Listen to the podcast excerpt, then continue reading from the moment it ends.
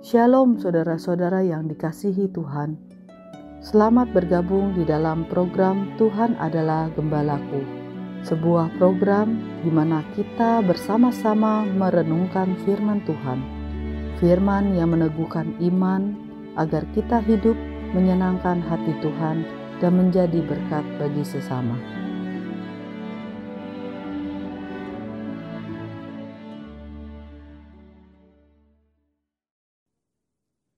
Shalom saudara-saudara yang dikasih oleh Tuhan. Bersyukur hari ini kita diberi kesempatan untuk berjumpa kembali. Salam jumpa dalam program Tuhan adalah Gembalaku. Saudara-saudara, pasti saudara familiar dengan doa Bapa kami.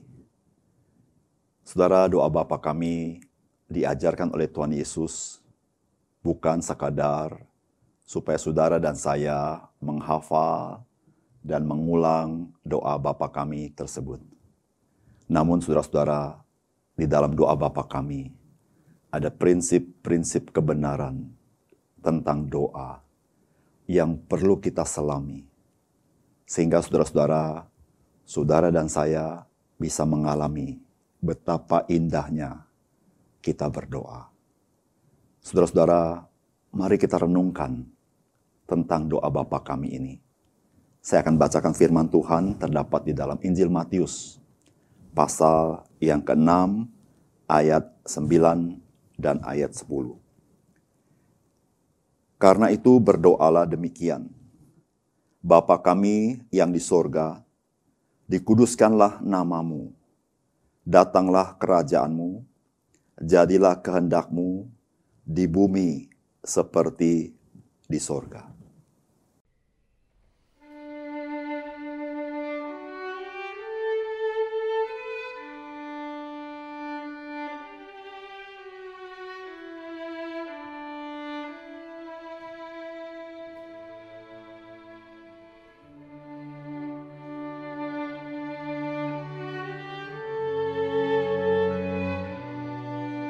Saudara-saudara, yang dikasih oleh Tuhan, apakah yang terlintas di dalam pikiran saudara ketika saudara berdoa kepada Tuhan?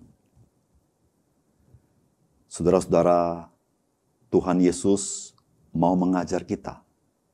Doa adalah sebuah relasi yang dekat dengan Bapa di surga. Saudara, ketika kita memanggil Tuhan dialah Bapa kami yang di surga. Maka saudara-saudara, sebetulnya Tuhan mau beritahu kepada kita betapa dia dekat dengan kita. Betapa relasi yang dekat itu begitu berharga di mata Tuhan. Saudara-saudara, apakah kita bersikap seperti itu kepada Tuhan?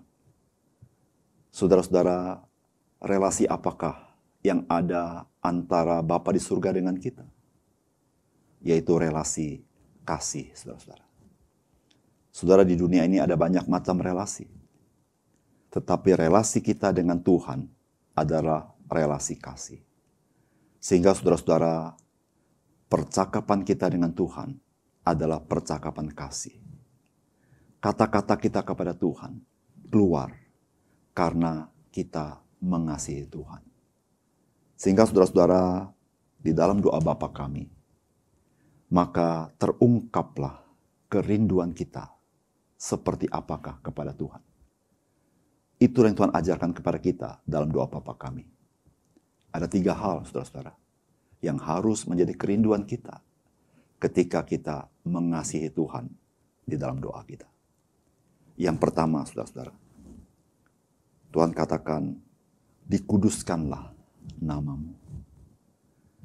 Saudara-saudara, yang pertama-tama ketika kita mengasihi Tuhan, maka kita ingin Tuhan dimuliakan, Tuhan disembah dalam hidup kita.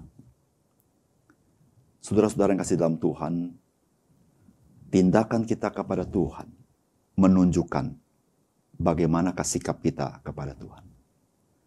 Saudara-saudara, ketika kita berkata, Engkaulah Tuhan kami, maka saudara-saudara, tindakan yang tepat yang berkenan kepada Tuhan adalah ketika kita menyembah Dia. Ketika kita memuliakan nama Dia dengan puji-pujian dan hormat bagi nama Tuhan. Saudara, bukankah itu yang sering kita lakukan kepada orang yang kita kasih? Yaitu kita ingin memperkenankan Dia. Kita ingin memuji Dia karena kita mencintai Dia. Saudara, terlebih lagi dengan Tuhan yang mengasihi kita. Yang kita memanggil Bapa kami yang di surga. Saudara-saudara, doa bukan sekedar kata-kata. Doa itu, saudara, ungkapan hati kita kepada Tuhan. Bahkan saudara-saudara, doa merupakan kulminasi dari seluruh hidup kita. Kita bukan saja dengan mulut kita berkata, dikuduskanlah namamu.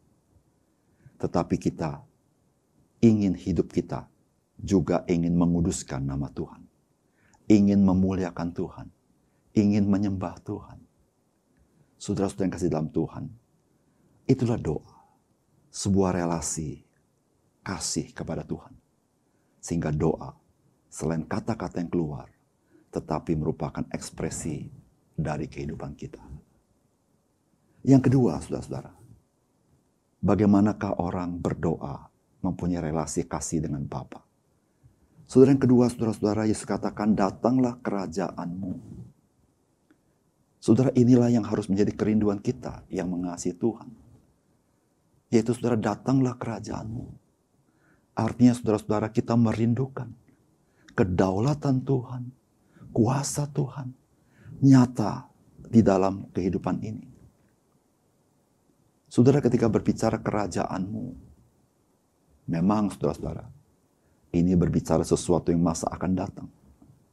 Tetapi saudara-saudara, kita sebagai orang yang mengasihi Tuhan, kita rindu Tuhan tetap menyatakan kedaulatan dan kuasanya hari ini. Kita ingin melihat kemuliaan Tuhan hari ini. Kita ingin melihat bagaimana kuasa Tuhan nyata di dalam sejarah dunia ini. Kita ingin melihat Tuhan berkarya di tengah-tengah bangsa kita ini. Tapi saudara-saudara, doa yang seperti ini juga merupakan ekspresi kita. Kita mau berkata kepada Tuhan, Tuhan, saya rindu, saya tunduk kepada kedaulatan Tuhan.